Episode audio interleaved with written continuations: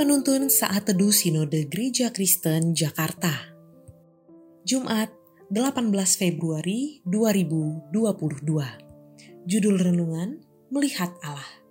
Terambil dari Nat 1 Yohanes 4 ayat 12a Tidak ada seorang pun yang pernah melihat Allah. Belakangan ini kita mudah menyebarkan sesuatu lewat media sosial. Misal gambar editan wajah Yesus menggendong domba Suara dengung di angkasa dianggap sebagai suara nafiri tanda kedatangan Yesus kedua kali.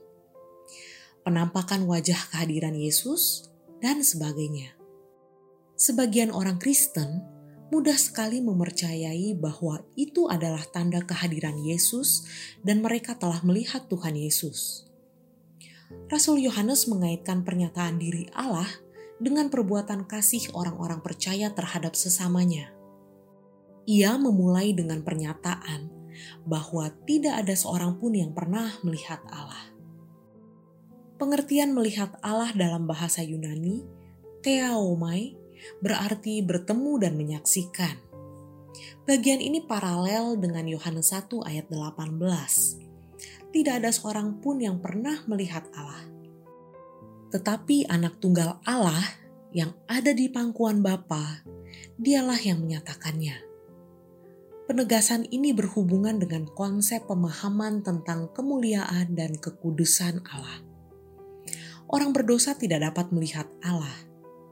Dosa menjadi penghalang pernyataan kemuliaan Allah. Walau demikian, tidaklah berarti bahwa Allah tidak dapat dikenali dan diketahui keberadaannya.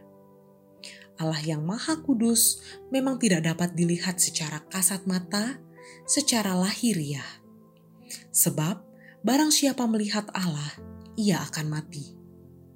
Dalam konteks ini dapat dimengerti dalam hubungan antar manusia yang dinyatakan dalam mengasihi dan melayani sesamanya. Sebab barang siapa mengasihi Allah, ia harus juga mengasihi saudaranya. Mengasihi Allah dan pekerjaannya mengakibatkan seseorang dapat melihat Allah di dalam bentuk pelayanan terhadap orang-orang yang dilayani. Zaman makin maju, perkembangan teknologi dapat mengelabui dan mendustai manusia.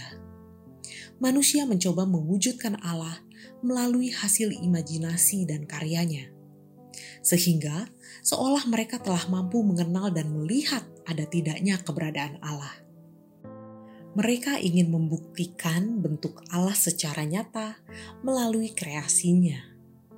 Manusia pada hakikatnya tidak dapat melihat Allah jika Allah tidak menyatakan dirinya.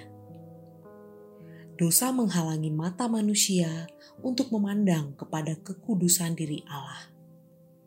Di dalam Kristus Yesus, kita dapat melihat Allah, sebab tidak seorang pun yang pernah melihat Allah tetapi anak tunggal Allah yang ada di pangkuan Bapa, dialah yang menyatakannya.